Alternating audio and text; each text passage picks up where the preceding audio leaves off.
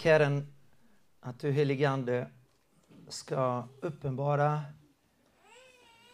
ordet, skrifterna för oss.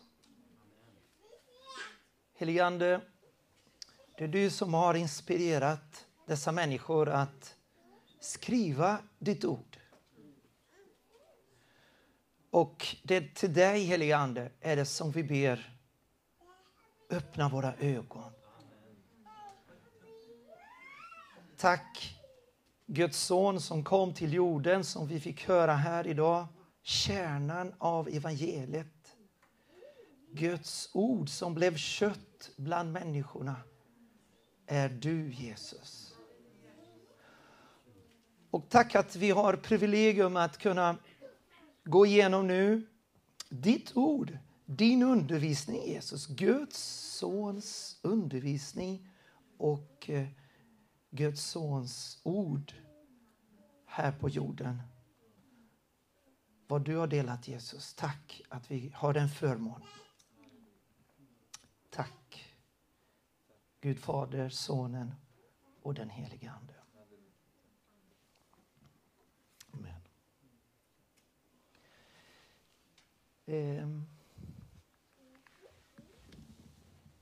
Då ska jag göra en liten kort inledning här. Om eh, dessa två liknelser från talenterna och pundarna. Och en liten början är att eh, vad är detta liknelser? Vad består det? Dessa båda liknelser eh, talar om en rik man som överlämnar sin rikedom åt sina tjänare och reser utomlands, långt borta.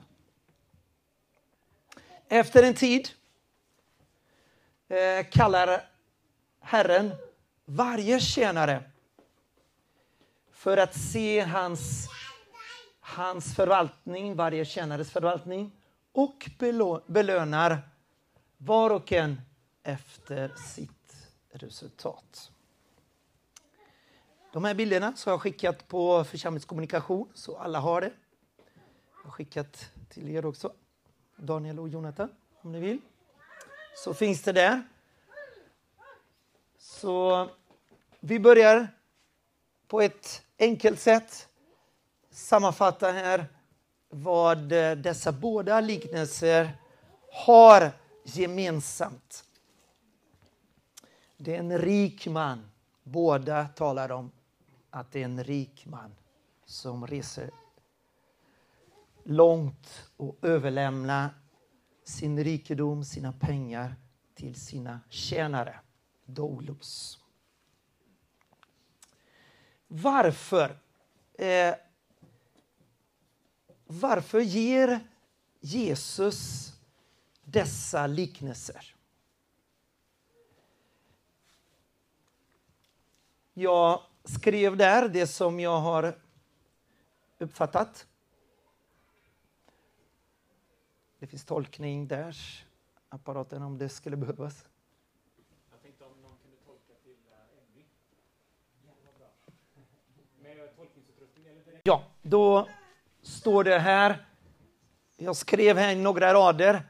Varför tror jag att Jesus har gett dessa två liknelser till oss?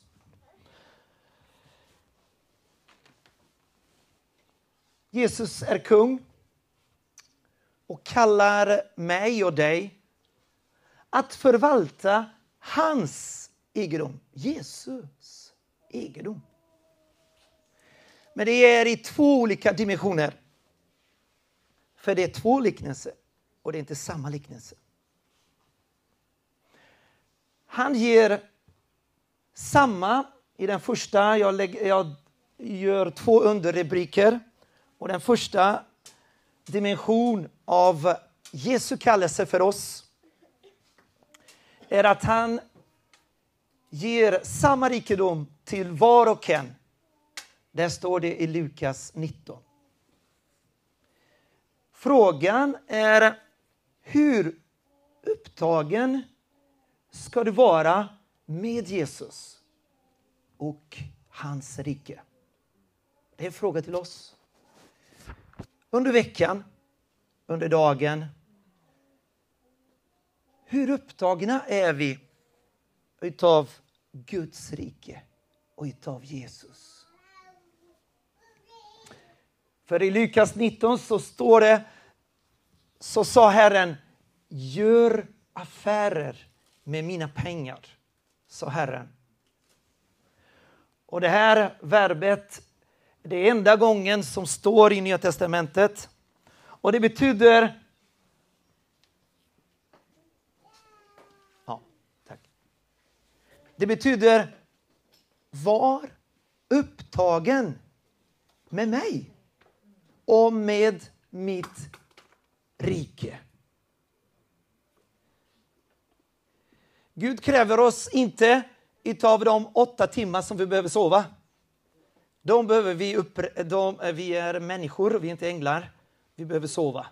Och när vi inte sover så känner vi av väldigt snabbt hur dåliga vi blir. Och sjuka kan vi bli också när vi inte sover. Så frågan är, i de andra timmarna som vi inte sover, hur förvaltar vi tiden? Alla vi har samma rikedom, alltså alla vi har 24, 24 timmar. Ingen har mer än 24 timmar här på jorden. Eller hur? Om dagen såklart. Dygn. Ingen som har mera än det. Alla vi har samma timmar. Och då frågar Gud, hur förvaltar du och jag dessa timmar som du och jag har? Det är den rikedom som han har gett oss. Amen. Och där vill Gud att, han ska, att vi ska förvalta på ett gudomligt sätt.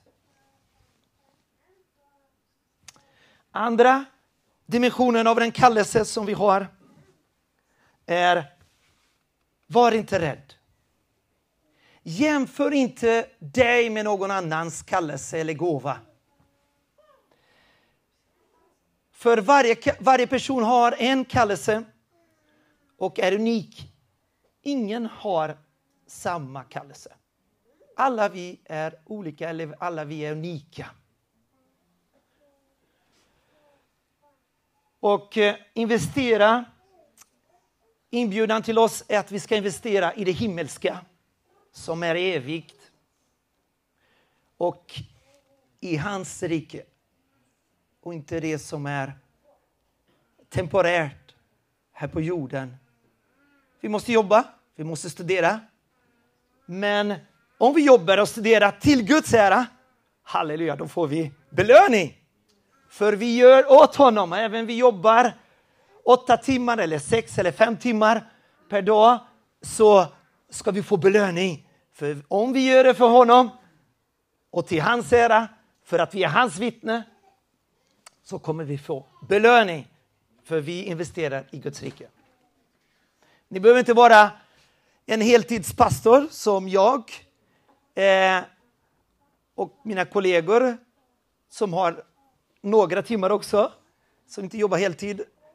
Men, men Gud kallar oss alla att vara heltidshjärta för honom. Amen. Vi är alla Guds tjänare. Vi är alla missionärer. Och denna vecka var jag så glad att Melissa och Anna i Göteborg kunde gå dit till Etebo och vittna till hela skolan i morgonsamling, eller hur? Theodor? var så roligt och fint. Och sen efter två dagar så var jag vikarierade där hos, med åttorna och jag kunde ta upp vad tjejerna sa där till den klassen och vittna sju minuter. Man får ha lov att vittna där och ta upp. Så jag var glad att kunna vittna också till åttorna och fortsätta så ut. Eh,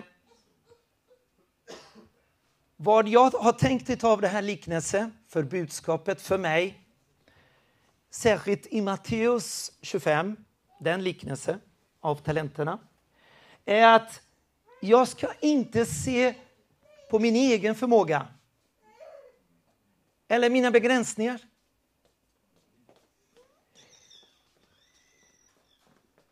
Men jag ska se Guds kraft i mig. Jag ska se vad Gud kan göra genom mig. Och vad Gud har längtan och förväntningar för mig och för dig. Vi behöver fråga Gud, vad har du för, vilka förväntningar har du vad jag ska göra i skolan, universitetet, i sko på jobbet? Vilka, vilka är dina förväntningar? Vem här i skolan, nu frågar jag, för nu har jag fått tillfrågan att komma tillbaka flera gånger som både spansk eh, lärare där. Vikariat bara. Då och då. Jag är jätteglad med från sexan eh, som David är med och ända till niorna. Halleluja, det blir möjlighet att vittna. Så glad. Så, men vi kan fråga Gud, vilka är dina förväntningar Gud?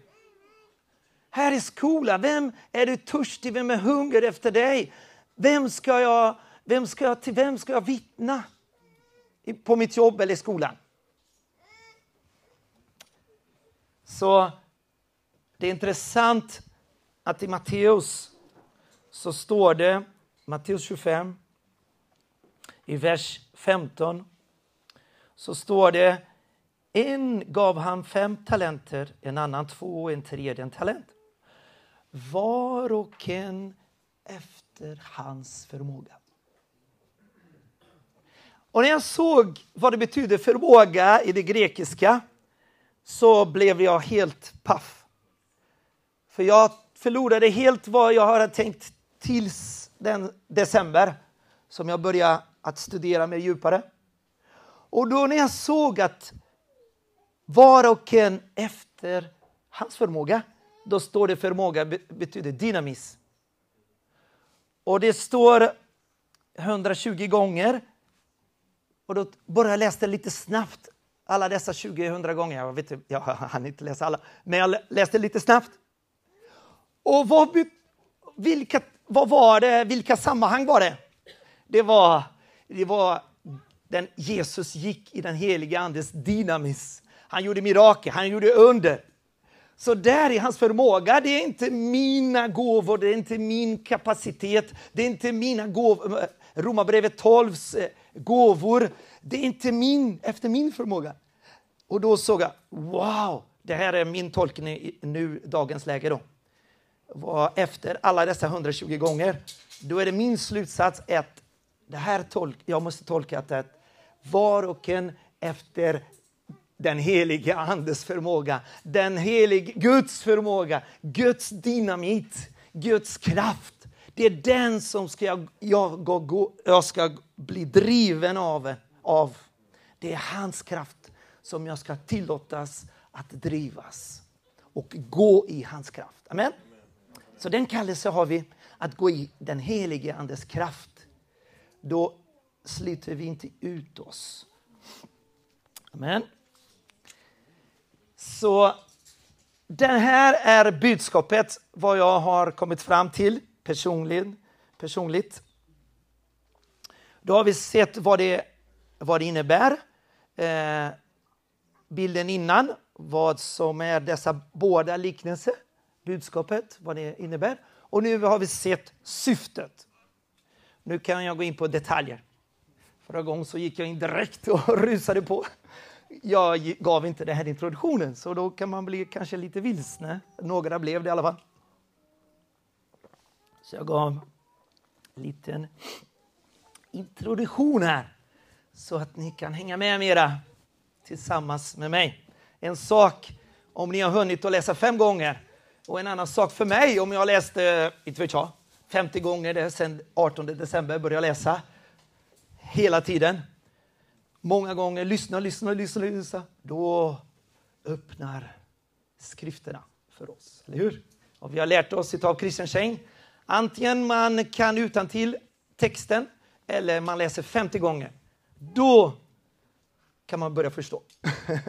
det är bra. Nu kan vi gå vidare vad Gud vill. Detaljer. Ja, nu jag ger det lite, jag har gjort här lite jämförelse med Matteus 5 och Lukas 19. Jag har sett att det är två olika liknelser eh, i en sammanhang där Jesus var på väg till Jerusalem innan han dog på korset. Så det här är sammanhanget som Jesus vittnar eh, om talenterna. Om eh, båda liknelser.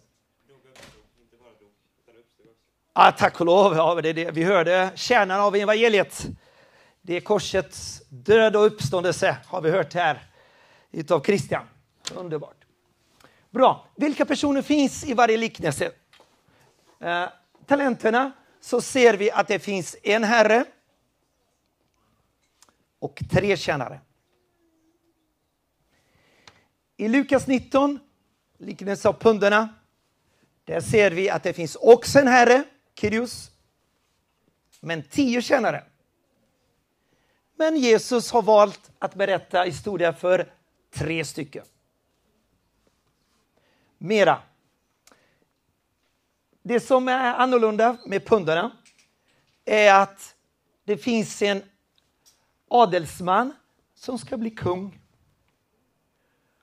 och har sina motståndare, landsmän, som blir fiender till kungen och vill inte ha Jesus som, eller herre, Jesus, man förstår att det är Jesus, Jesus som kung. Det är den skillnad som inte står i talenterna. Vi fortsätter och jämför båda här. Matteus 25 med talenterna. Där säger Jesus att Kirius, Herren, den rike mannen, han ger åt varje tjänare olika mått av sin rikedom. En tjänare gav han fem talenter, den andra tjänare gav han två och den tredje gav han en. Vad är det som är annorlunda med Lukas, med punderna? Är att Herren ger samma mått åt varje tjänare. Då är det 10 pund till 10 tjänare. Som en slutsats, logisk slutsats, är att var och en får en pund.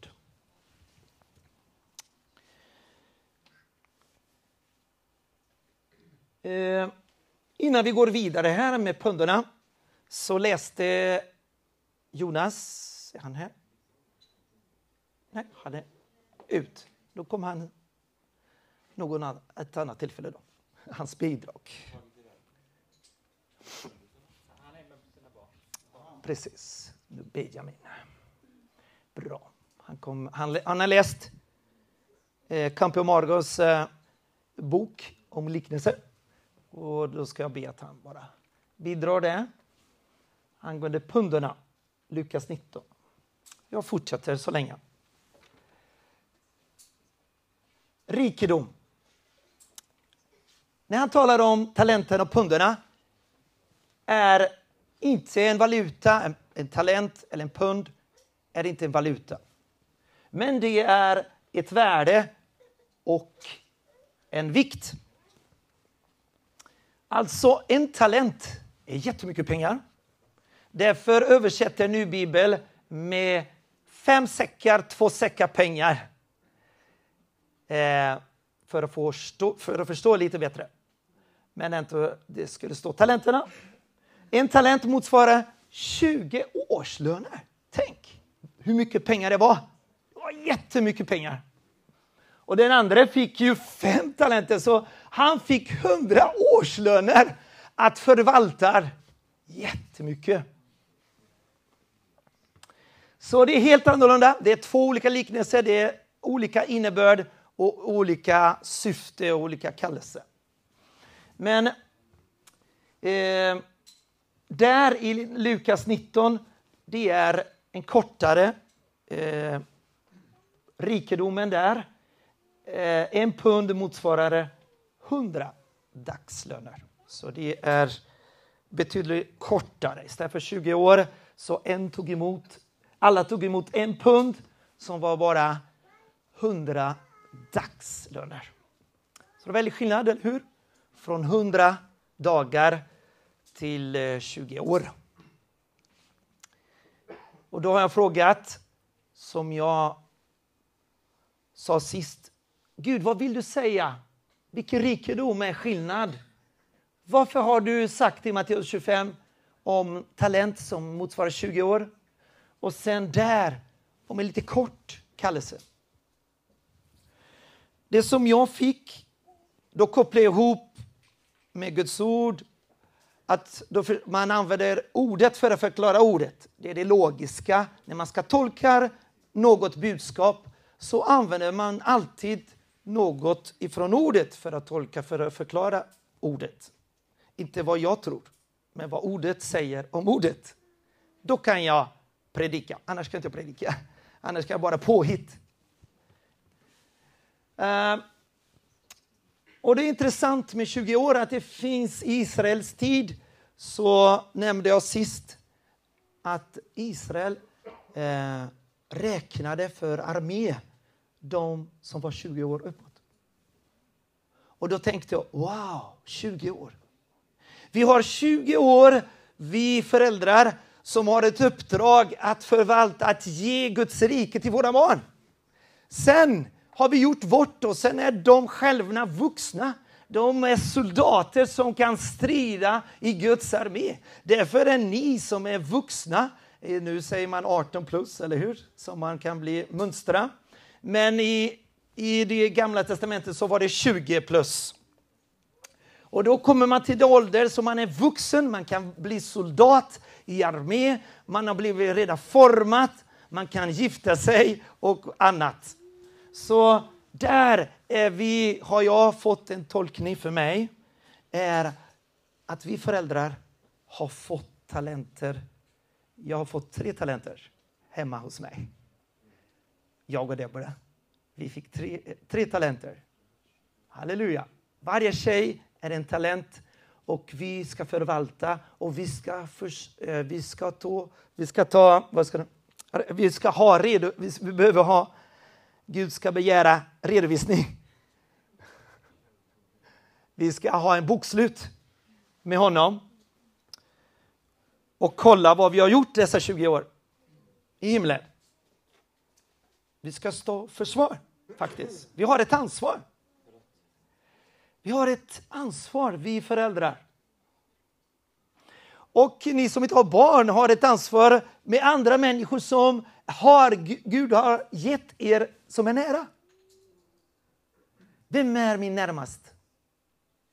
Min släkt, mina föräldrar som inte är frälsta, mina kusiner som inte är frälsta. De är de talenterna som Gud har gett dig. De är inte barn, men du har släkt, du har föräldrar, du har kusiner som du ska vittna. De har Gud eh, gett dig att förvalta för att ge Guds rike till dem, till dem som är närmast dig.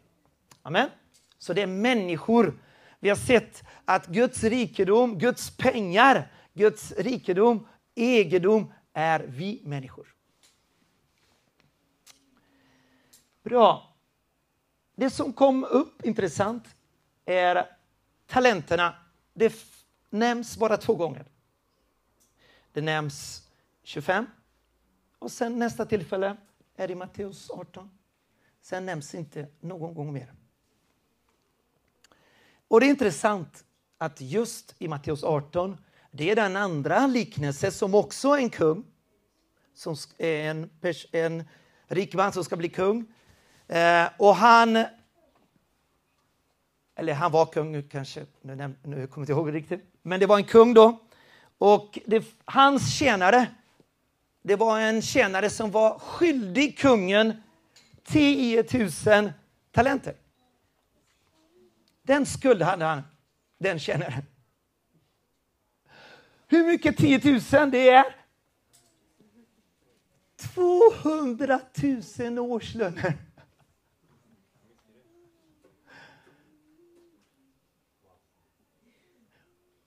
Kungen, det är skulden som vi alla har mot Gud. Den är skulden som vi alla människor har mot Gud. 200. Är det möjligt att vi ska betala det här 200 000 årslöner? Är det möjligt? Aldrig kan någon betala 200 000. Vi lever 70, 80 men vi klarar inte av att arbeta under hela dessa tider, under alla dessa år. För Jesu kors, Jesu död, Jesu förlåtelse är inte att han bara förlåter, ger oss frälsning här på jorden bara, eller hur? Hans förlåtelse är en evig förlåtelse. Evig. Så skulden utav våran 80 år här på jorden och, en, och evigheten, vår skuld var 200 000 årslöner. Så stor var den. Och eh, i, intressant att den punden, 100 denarer, eh, 100 dagslöner, är det också, det finns exakt samma summa i Matteus 18. Exakt sum, samma summa. Vet du vilken summa den, den är motsvarande på Matteus 18? Det var den skuld Välkommen hit. Vi har saknat dig. Guds nåd. Det är skuld mellan tjänarna. Så alla vi har sårat varandra på något sätt. Alla vi har sårat varandra. När vi sårar varandra så är vi skyldiga varandra. Och den skuld som vi har mot varandra är hundra dagslöner. Det i ordet.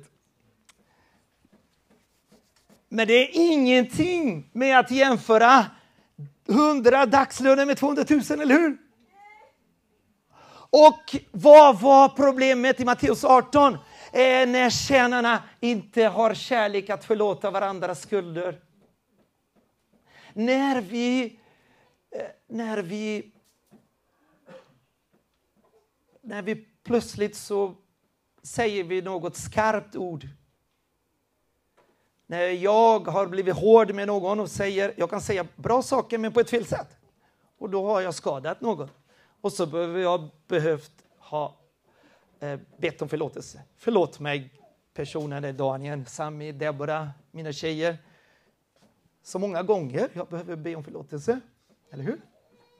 Och det här är vår skuld. Vi har en skuld mot varandra när vi syndar mot varandra, när vi, när vi inte är milda, när vi inte är fulla av den heliga Ande, så skadar vi varandra.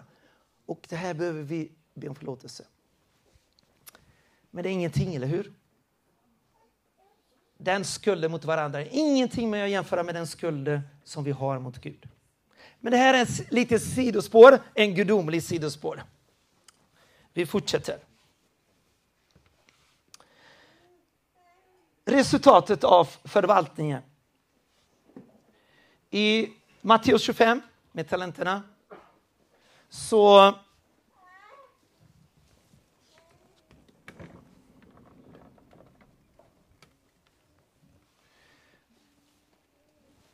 De som fick, den som fick fem talenter hade en 100% resultat.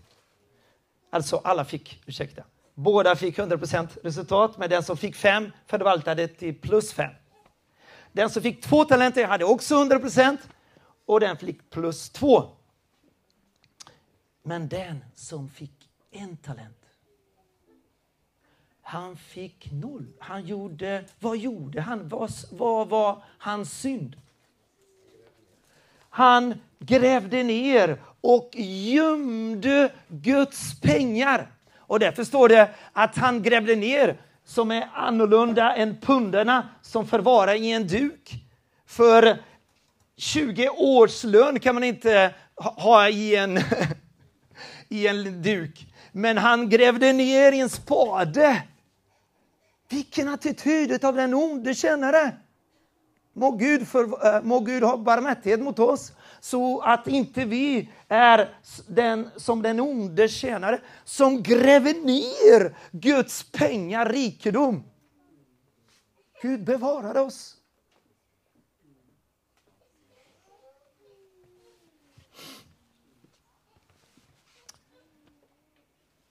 Med punderna. Om någon kan du säga till Jonas så tackar jag hans bidrag där så inte han eh, det han tar emot hans bidrag där som är jättefin. Om pundarna. Olika, där med pundarna är, eh, har vi olika resultat utav förvaltning i pundarna. Där då har alla fått samma mängd. Men varje person gav en resultat. Den som fick då, den första, inte den, den som, eh, en första tjänare, han gav tio gånger mera. Så han gav inte 100 procent, han gav tusen procent. Den andra som fick en pund också, han gav, han fick plus fem, fem gånger mera, så han fick, så han gav 500 procent i det som han fick. Och en annan, en tredje, var det eh, han tyvärr gjorde samma sak som också den tredje av talenterna. Men han inte, han gav tillbaka till Herre sin Guds rikedom och hade ingen förvaltning att ge. Och han gömde, han förvarade i en duk. Så... Ja, precis. Vi ska se olika steg som eh, varför han, gjorde, varför han gjorde det. Och tyvärr den varning som Gud, Jesus, Visa i sitt ord. Där eh, han vill varna oss att inte vi gör samma sak. Så det är lättare att hända än vad vi tror. Jesus varnar här i hans liknelse att här är det en procentuellt. Vem gjorde det här procentuellt? En tredjedel och det motsvarade procentuellt 33 procent. Så en tredjedel, det är ganska mycket av kristna. Det här är inte ofrälsta, det är kristna för det är tjänare. Det är Gud, Jesus slavar, det är kristna som har den attityd att de gräver ner hans rikedom och gömmer och inte vittnar och inte talar om Gud, om Jesus. Och där, procentuellt, är det hur många som gömmer? En av tio, eller hur? En tionde. Ja, varsågod. Precis. Ja. En tiondel är de som gör det här och gräver ner. Med Copy Margus om eh, vad det skulle innebära punderna. Okej. Mm. Ja, nu har jag ju inte hört någonting av vad som har sagts innan, så där, ni får ta det för vad det är. Men eh, jag pratade med Fredrik här om dagen och jag har läst en eh, bibelstudie om, om Lukas från väldigt bra som jag kan rekommendera av en broder som heter Campbell Morgan. Han är i evigheten nu. Och eh, då kom jag till det här kapitlet om punden och då pratade han om någonting eh, väldigt underbart tycker jag, som berörde mig. Det var, han pratade om iver. Han pratade om eh, att punden, alla fick ju ett pund var och vi alla har fått ett liv ifrån Gud. Och vi alla fått en möjlighet att vara Guds vittne här på jorden. Så det var det han pratade om. Och eh, han kopplade det till det här stället som står att vi Eh, vi ska ta vara på varje tillfälle, därför, eftersom dagarna är onda. Och det här tillfället att ta vara på, det handlar också om det här att köpa och sälja. Han pratade om problemet med den här tjänaren som var ond. Han säger ju själv att ah, det är, jag tror att du är en sträng man och det var därför jag inte gjorde det. Jesus sa ju själv, det stämmer inte. Det är inte alls för att du tror att jag är en sträng man. Det är inte för att du är rädd för mig. För hade du varit rädd för mig, då hade du satt in pengar på en bank. Ditt problem, säger Jesus, det är att du är lat. Du är lat. Lat och usel, sa han. Därför finns det ett annat ord som, är, som verkligen sticker ut. Om vi pratar om den tjänare som, gör, som får fem, han som multiplicerar talenterna. Vad står det att det, ordet sticker ut? Det är ordet genast. Jag vet inte om du varit inne på det. Genast. Så en helt annan attityd. Det är att han tar vara på möjligheterna. Jag vet, Mats, du håller på med sälj och köp, eller hur? Om det kommer en kund som är het, då säger du inte till honom, du, jag har annat för mig, ring efter sommaren. Vad händer? Eller hur? Miss, då missar man möjligheten. Utan då får du hugga till, eller hur? Samma sak, så det är det här, det är köpa och sälja, det är möjligheter och det är precis det här som Campbell Morgan delar som berörde mig, att vi måste vara ivriga, vi måste vara på hugget. Vi kan inte vara slöa, vi kan inte vara lata, utan vi behöver ha det här hjärtat att vi är på hugget för Gud. Eh, och det var det som berörde mig och jag hoppas det var det ungefär det du ville att jag skulle dela. Det var precis det. Halleluja! Fantastiskt. Det som jag delade det är från ordet som förklarar ordet. Och det är så underbart att vi kan, vi kan eh, ha andra gudsmän där vi kan läsa för att kunna förstå ännu bättre och komplettera med böcker som är klassiker, som är fantastiska gåvor. Amen. Så tack Jonas. Då fick ni kanske lite mer Eh, klarhet om dessa rikedomar som han har gett oss. Jag talade sist också om att ordet som han överlämnade åt sina tjänare. Ordet där betyder, det är samma verb som är att han gav det eviga brödet. Han gav den helige Ande. Han gav eh, eh evig källa, eh, eviga vatten eh, livets vatten. Så det här är samma verb, att han överlämnade eh, till tjänarna. Det är samma verb om att han gav han har gett oss Jesus, han har gett oss den heliga Ande. Han har gett oss levande brödet, ordet. Han har gett oss eh, hans himmelska livet. Hur förvaltar vi den tiden? Mer än efter vad jag har sovit åtta eller nio timmar. Hur förvaltar vi? Hur mycket investerar vi med ordet och bön? Hur mycket vittnar vi? Det här kommer han att, eh, att vi ska stå försvar faktiskt. Ingen eh, anklagelse, men det är tid för omvändelse. Vi har privilegium att omvända oss. Halleluja! Det som inte vi har fått uppenbarelse från igår, nu, från och med nu, så välsignar jag er eh, utan anklagelse, men jag välsignar er med omvändelse. Du och jag. Vi kan omvända oss och förvalta bättre vår tid som vi alla har fått. 24 timmar per dag. Bra, vi går vidare. Eh, beröm. Vad sa kungen till dem som fått fem talenter? Han sa Bra. Lycklig är du, betyder det. Du är lycklig. Du har varit trogne i det lilla. Ja, är det fel? Ja, det är, ja precis. precis. Hundra dagslöner, då är det lilla.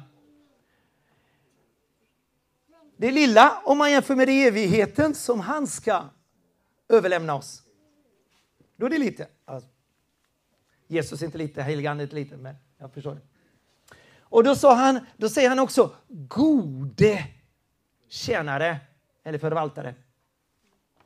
Gode betyder ordet eh, grekiska betyder agatos. Och då kommer du ihåg med den rike mannen. Eh, det han, rike mannen, sa till, till Jesus, gode mästare. Kommer ni ihåg? Och då sa Jesus, vem är bara Gud? Vem är bara god? Gud. Självklart är han också god, för han är också Gud. Men det här agatos betyder inte att han är god i sig själv. Åh, vilken, vad duktig du är, du är så bra människa. Du är så duktig människa. Det är inte alls det här godhet. Det är inte någon mänsklig godhet.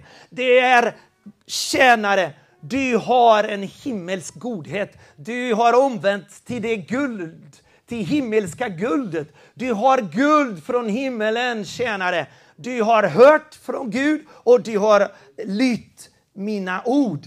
Och du har skatt, du har pärla, du har, eh, ursäkta, du har diamant, du har guld och sivel och ädelstenar, ädelstenar som det står i första Korinthierbrevet 3. Du har byggt på grunden. Du har byggt inte med hö och halm. Men du har byggt med guld, silver och ädelstenar. Och då, då är du agatos, då är du god. Det är himmelsk godhet, inte mänsklig godhet. Och därför också är du trogne tjänare. Trogne, det här ordet, är tro. För att utföra Guds verk och kallelse så behöver vi alltid få Guds tro. Det kommer inte från oss. Godhet kommer inte från oss, det är hans. Och vi gör vad han vill. Inte vad jag tänker och vad jag anar. Åh, vad roligt, åh, vad, mina planer, mina önskemål, åh, min kallelse. Nej, det är Guds kallelse, kära syskon. Det är vad han vill, inte vad jag, min önskedröm, vad jag drömmer. Men mina drömmar kan vara hans också. Tack och lov. Beröm. Den som hade fått två talenter och förvaltade 100 procent, han fick också samma beröm i Matteus 25. Belöning. Vilken belöning var det? Han sa, Jesus sa, han ska sätta dig över mycket. Så vad Jesus har jämfört, vad han har gett oss här på jorden, är lite på mått att du kanske har tagit hand om tre personer, tre barn, fyra barn, fem barn.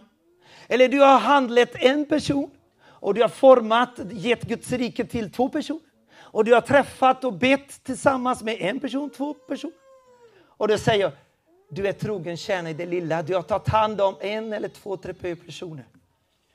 Nu vill jag sätta dig överallt vad han äger, vad han, Gud äger. Wow. Gud ska säga, Jesus ska säga till dig, kom nu. Du har tagit hand om dessa två lärlingar, dina goda barn. De följer Jesus. Nu kom, så jag ska sätta dig över mycket. Över Guds rikedom i himlen i evigheten. Och därför säger han till slutet, gå in i Herrens glädje. Wow, det är det som är evigheten, eller hur? Det här sammanfattar himmelen. Att himmelen är full av fest och glädje. Kom in i glädjens Herre, kom in i hans fest. Amen. Och det hände precis samma sak med den som Gud gav, Jesus gav, två talenter. Vi fortsätter. Lukas 19. Hoppsa. Eh, den som gav förvaltade till 10 pund. Då sa Jesus, bra, samma sak som han sa till talenterna. Lycklig är du samma beröm. Gode, du har himmelsk. Du har fått himmelsken, himmelsk kallelse och du har lytt det himmelska kallelse. Då är du god. Och du har inte drivits av misstro och missmod. Du har tagit emot tro från himlen. Du har blivit förnyad, du har blivit fylld av helig ande. Du har blivit förnyad i ditt sinne. Och därför har du fyllt dig av Guds tro. Därför är du en god tjänare. Och belöning sa Jesus då, du ska härska över tio städer. Wow, tio städer. I Lukas 19 också så står det den som förvaltade och fick fem istället för tio. Och det är konstigt att han fick ingen beröm. För Jesus gav samma rikedom till alla. Och då kanske drar jag en slutsats att det är det här 10 plus som han har önskat oss. Att vi ska ha den respons med honom. Men han fick belöning, tack och lov. Han fick inte beröm, men han fick belöning. Du ska härska. Du ska ha auktoritet, står det i grundtexten. Exosia. Du ska ha auktoritet över fem städer. Ja, den var en sammanfattning utav eh, de två liknelserna.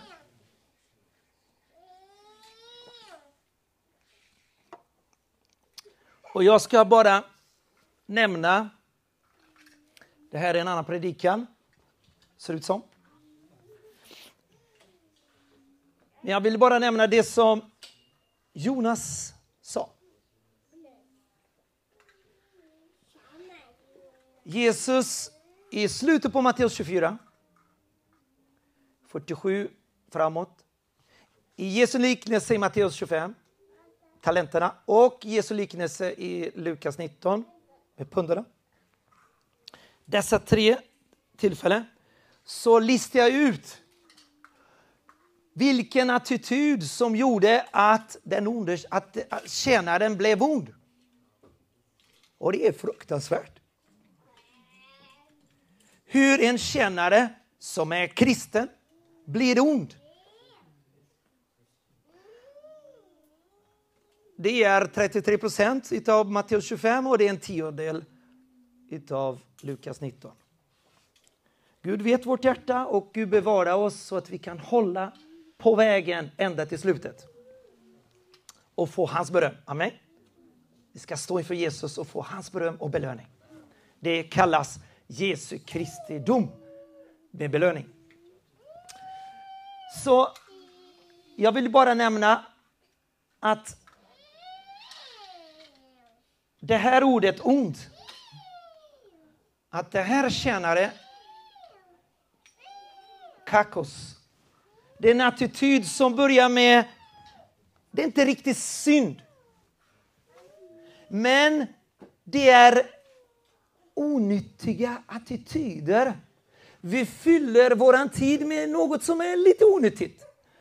Och ibland blir det onyttigt som är 20 procent som kan växa till 80 procent och så plötsligt tar du inte vara på att fylla med, ditt, med den helige Ande. Så plötsligt är det roligare. Det är, köttet tycker om att se på film. Jag tycker om att se på film på bio.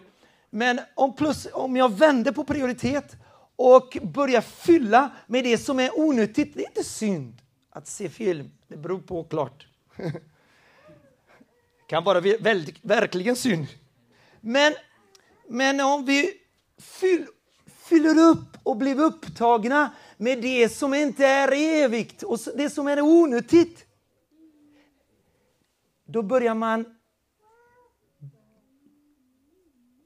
eh, smått gå, un, vad säger man, gå vilse. Och där börjar det, att vi fyller upp vår tid med det som är onyttigt. Gud vill att vi ska göra, att vi ska, vad säger man, vi behöver vila, vart, koppla av, koppla av. Vi, det behöver kroppen behöver. Det är Gud som har skapat sjunde dagen för att vila. Men vi behöver ha Guds fruktan hur vi förvaltar resten av tid som inte vi sover. Och då säger många olika saker. Det finns i din det finns i det församlingskommunikation om 16 attityder som det gör att vi blir onda.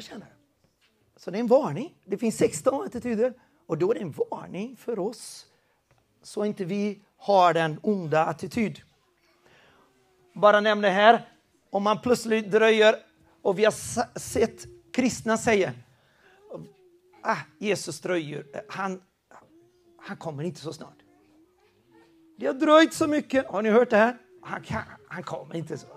Det är bara en, din förståelse. Men det här är en ond kännare. Jesus kommer inte snart. Så jag behöver inte förbereda mig. Så det är en av attityderna. Och jag vill eh, mm, gräv det ner på jorden. Vi tar... Mm, han hade rädsla. Men det var han som upplevde Jesus som en sträng man. Jesus sa inte att han var sträng. Men med dina ord ska du dömas, eller hur? Det var den ondes tjänare som blev smuts i hjärtat, som tillät det ondska komma. Och då började att man viker av från vägen och tillåter en kompromiss med mörker, tillåter att det kommer med onyttiga saker, att man inte fyller upp med heliga ande, man fylls inte av ordet, man fylls inte av gemenskapen med församlingen, med, med syskonen och så vidare. Och då kan man gå snett. Och, eh, och då upplever man till och med Jesus som en hård man. Som det står i av liknelse. Det tar vi här ett annat tillfälle. Jag vill nämna det här bara. Att den tjänare som börjar göra det som är onyttigt. Plötsligt så kom han och blev en Ponerus tjänare. Alltså en ond tjänare i samma ord som det står i Matteus 6, 13 med Jesu ord. Fräls oss från ondo, ifrån den, on, den onde, eller ondo. Ja, det är gammalt. Så fräls, det är samma ord. Att en kristen gudstjänare kan bli så ond som Satan. För vi alla kristna kan vika av, säger Jesus. Och det är det som Jesus vill varna oss. Och det är därför vi behöver varandra som vi lyssnar här Sami på början. Vi behöver den heliga Ande, vi behöver Fader, Son och heliga Ande, vi behöver Guds ord. Vi behöver bli fyllda av heliga Ande och vi behöver varandra så vi kan lyssna. Och när vi slutat lyssna på Guds Ande, Fader, Son och heliga Ande, när vi slutar att, att lyssna på varandra, då är det farlig väg. Och då plötsligt kan vi bli ond som mörkret. Ja.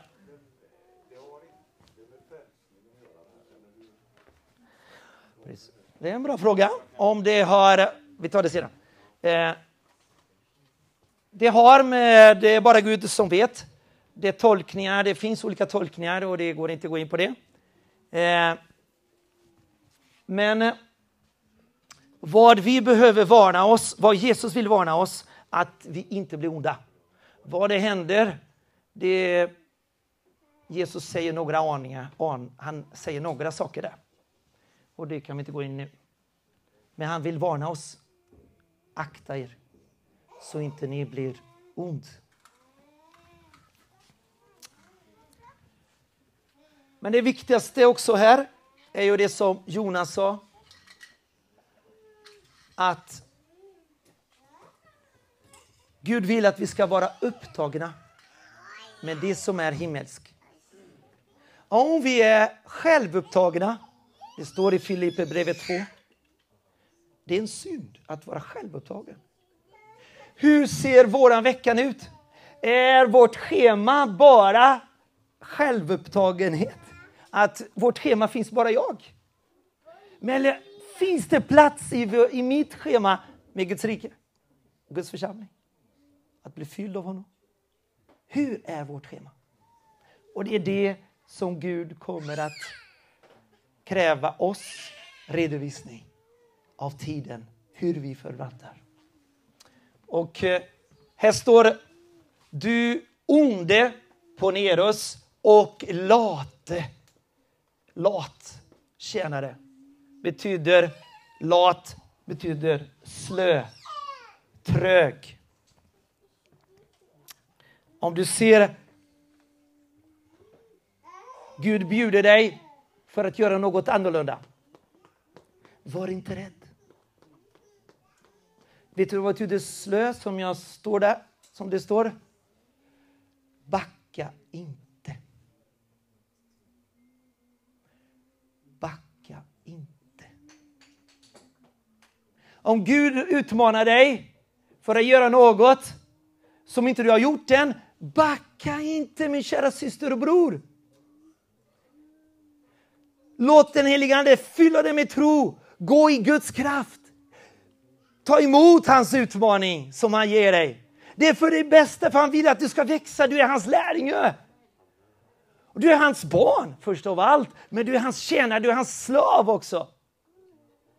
Och där vill han att vi ska förvalta. Och där utmanar han oss. Det är rätt. Det, att utmana, det, är, det finns en himmelsk dimension. Det finns en mänsklig dimension att utmana varandra. Men det finns en gudomlig utmaning där han utmanar oss att ta ett steg framåt. Ta ett steg fram. Nu är det ett till. Nu är det ett till. Kom, kom! Men han anklagar oss inte. Han förkastar oss inte. Han, han, han, han lägger ingen börda på dig, syster och bror på dig och med mig. Han ger ork och kraft och tro också. Amen. Men han utmanar mig och dig. Så ta emot hans inbjudan. Att backa inte. Och det är därför som vi har lärjungaskap i församlingen, som vi tror på lärjungaskap. Och ett, en rikedom av eh, är att vi hjälper den andra som är yngre med formation. Så att vi säger, det här är Guds vilja min kära broder eller syster. Så här vill Gud att du ska göra. Vi säger tydligt och klart, Guds vilja är det här. Och Det är den rikedom med formation. Det var 16. Eh, och jag nämnde bara några, såklart.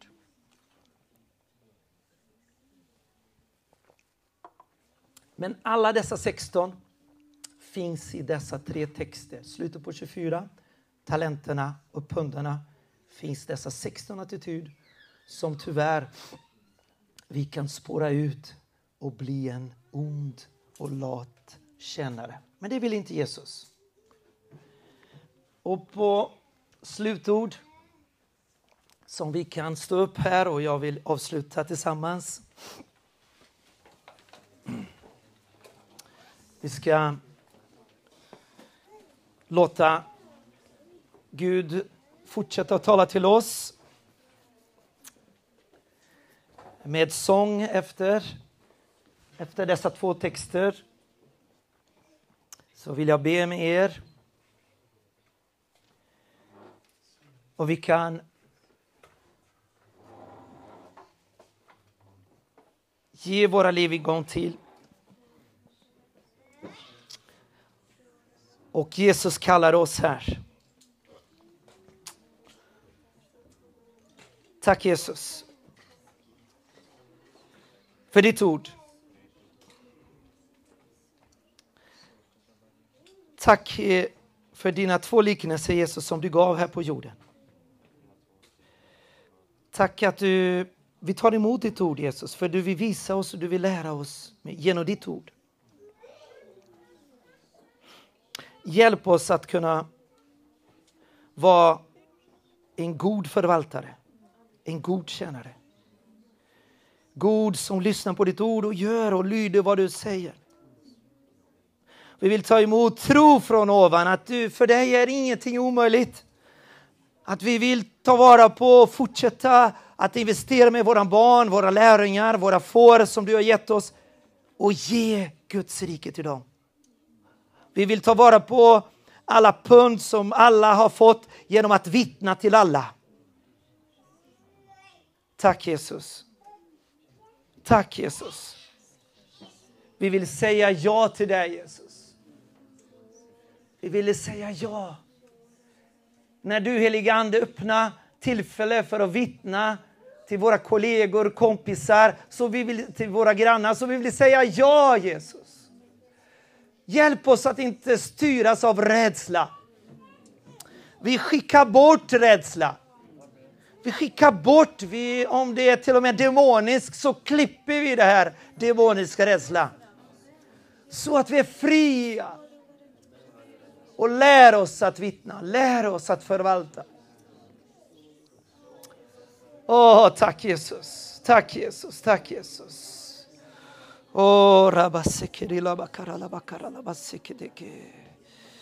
Åh, oh, säg till Jesus vad han vill höra, vad han talar till dig nu. Säg till Jesus vad han vill, vad han har sagt till dig och talat till dig genom predikan här. Så Jesus kallar dig och inbjuder dig för något nytt. En ny etapp, en nytt steg, nytt steg här i det här året. Oh. Och vi vill lyda dig Jesus. Tillsammans vi vill lyda dig.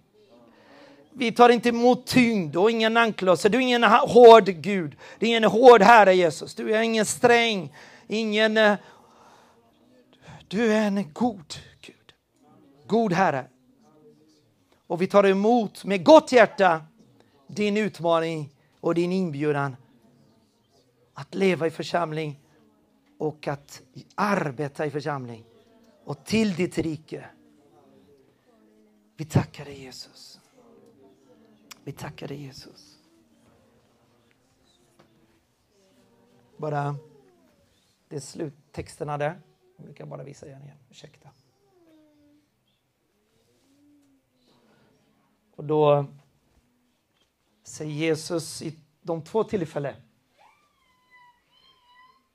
Och då säger han